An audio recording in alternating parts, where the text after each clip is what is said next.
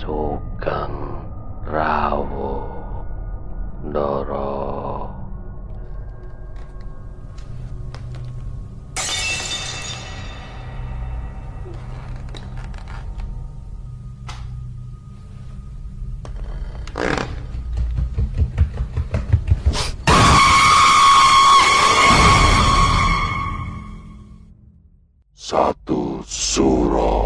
Activity. Assalamualaikum warahmatullahi wabarakatuh. Selamat malam. Rahayu, Rahayu, Rahayu, Rahayu. Para pendengar Satu Suro Activity. Saya, Andi Putro. Para pendengar, pada malam hari ini kisah mistis dari Philip ketika menjenguk keponakannya di rumah sakit Dr. Karyadi Semarang. Selamat mendengarkan.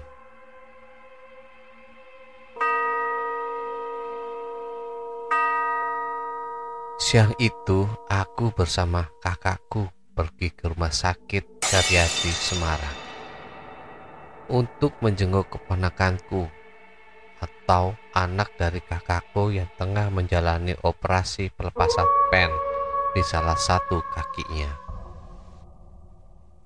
Sehubungan dengan merebaknya COVID-19 di Semarang, maka rumah sakit tersebut mengeluarkan peraturan cukup ketat di mana para pengunjung hanya boleh masuk satu persatu.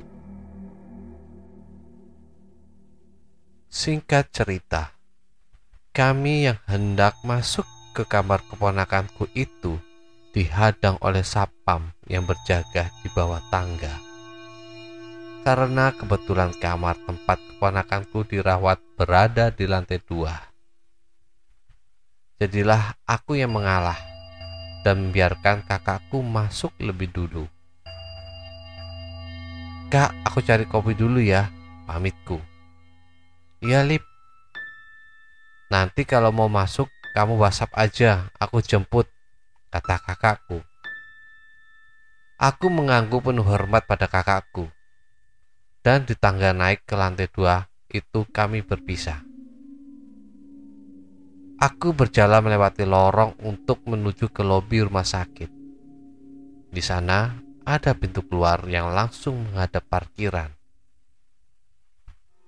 Di lorong itulah aku merasakan sesuatu yang tidak enak. Lebih tepatnya, merinding. Aku melihat seorang dokter berjalan dari ujung lorong. Rambutnya pirang, ikal, dan tubuhnya sangat tinggi untuk ukuran dokter di Indonesia.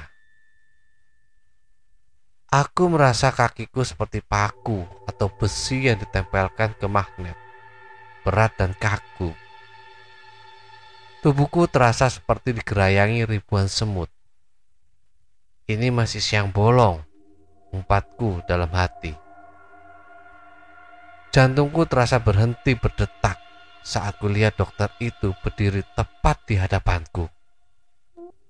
Mukanya putih pucat, penuh bintik-bintik. Matanya biru terang menatap kosong dan tersenyum tipis kepadaku. Aku bingung dengan perasaanku. Entahlah takut atau apa. Yang jelas aku tahu dia bukan manusia. Aku berusaha melupakannya dan sekeras mungkin tidak akan mengingat atau menceritakannya. Bahkan pada kakakku sekalipun. Sampailah aku di sebuah warung kaki lima yang masih dalam komplek rumah sakit hanya cukup jauh, dekat jalan raya. Aku menghisap rokokku dalam-dalam sembari menunggu es kopi hitam pesananku. Jujur saja, semakin aku keras berusaha melupakan. Rasanya tatapan kosong dari mata dokter itu benar-benar lekat sekali. Tanpa sadar mulutku nyeletuk menyebut kata dokter.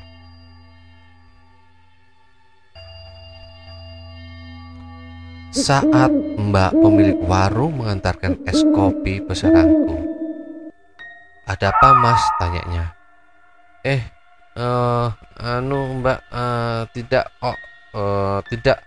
Sautku gugup dan buru-buru aku seruput es kopiku.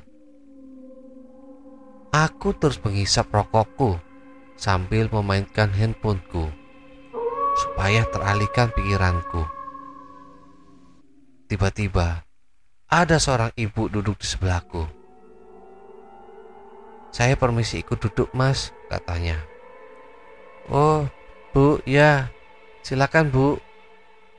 Masnya kok gugup begini? Kata ibu itu hati-hati. Oh, tidak kok bu. Tiba-tiba, ibu itu berkata, Permisi ya. Kata ibu itu membuatku kaget karena tiba-tiba dia menumpangkan tangannya di tengkukku. Aku kaget, risih, juga geli. Sudah, sudah, sudah, tidak apa-apa kok. Yuk diminum lagi mas, kata ibu itu.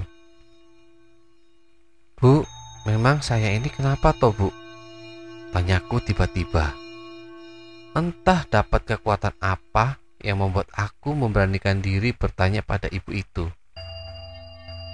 Rumah sakit ini wingit mas. Angker. Bangunan lama. Apalagi dulu di halamannya sampai sepanjang jalan ini Itu dibuat perang. Tadi dokter yang mas lihat itu adalah korban pembunuhan. Ada susternya juga. Sering keliling memeriksa pasien-pasien yang sakit Yang tidak dijaga keluarganya. Dulu tetangga saya ada yang sakit Hampir mati karena dokter sudah angkat tangan dan keluarganya sudah pasrah. Tiba-tiba jadi sembuh dan hidup sampai sekarang. Setelah ditemui dan dioperasi sama dokter orang Belanda sama susternya orang Belanda. Cerita ibu itu. Aku tertegun mendengarkannya dan ini membuatku semakin yakin bahwa mereka ada di mana-mana dan di sekitar kita. Para pendengar, kisah mistis dari Philip di rumah sakit Dr. Karyadi Semarang dilihatkan sosok hantu jin yang menyerupai dokter Belanda. Kadangkala di rumah sakit penampakan-penampakan hantu, jin, kodam bisa saja terjadi. Kebetulan narasumber yang bernama Philip ini diberikan kemampuan indigo. Menurut narasumber, bahwa ada sebuah kejadian pilu yang dialami oleh dokter Belanda dan suster Belanda tersebut. Kejadian pilu tersebut terjadi di era tahun 1957-an setelah masa kemerdekaan. Pada masa itu, rombongan orang-orang pribumi yang tidak suka melihat orang-orang Belanda mengepung jalan di depan rumah sakit, mencegat beberapa mobil yang lewat. Dokter Belanda tersebut disuruh keluar paksa dari mobilnya dengan posisi masih dengan pakaian dinas dokternya. Orang-orang pribumi tersebut berteriak, "Hidup Bung Karno! Ganyang Londo!" Pemicu insiden tersebut dikarenakan Belanda menduduki dan tidak mau melepaskan Irian Barat sehingga memacu kemarahan Bung Karno untuk mengusir orang Belanda dan keturunannya dari Indonesia.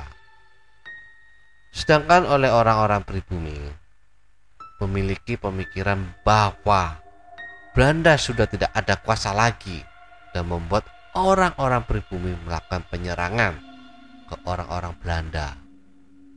Karena insiden tersebut, dokter Belanda tersebut terbunuh. Apakah kalian pernah mengalami hal mistis di rumah sakit? Silakan tulis komentar kalian. Para sahabat satu suro activity, tinggalkan catatan doa kalian di kolom komentar, like, subscribe, dan bunyikan lonceng keramatnya. Para sahabat satu suro activity, tetaplah iling lan waspodo. Assalamualaikum warahmatullahi wabarakatuh. Salam, salam, salam. Rahayu, rahayu, rahayu.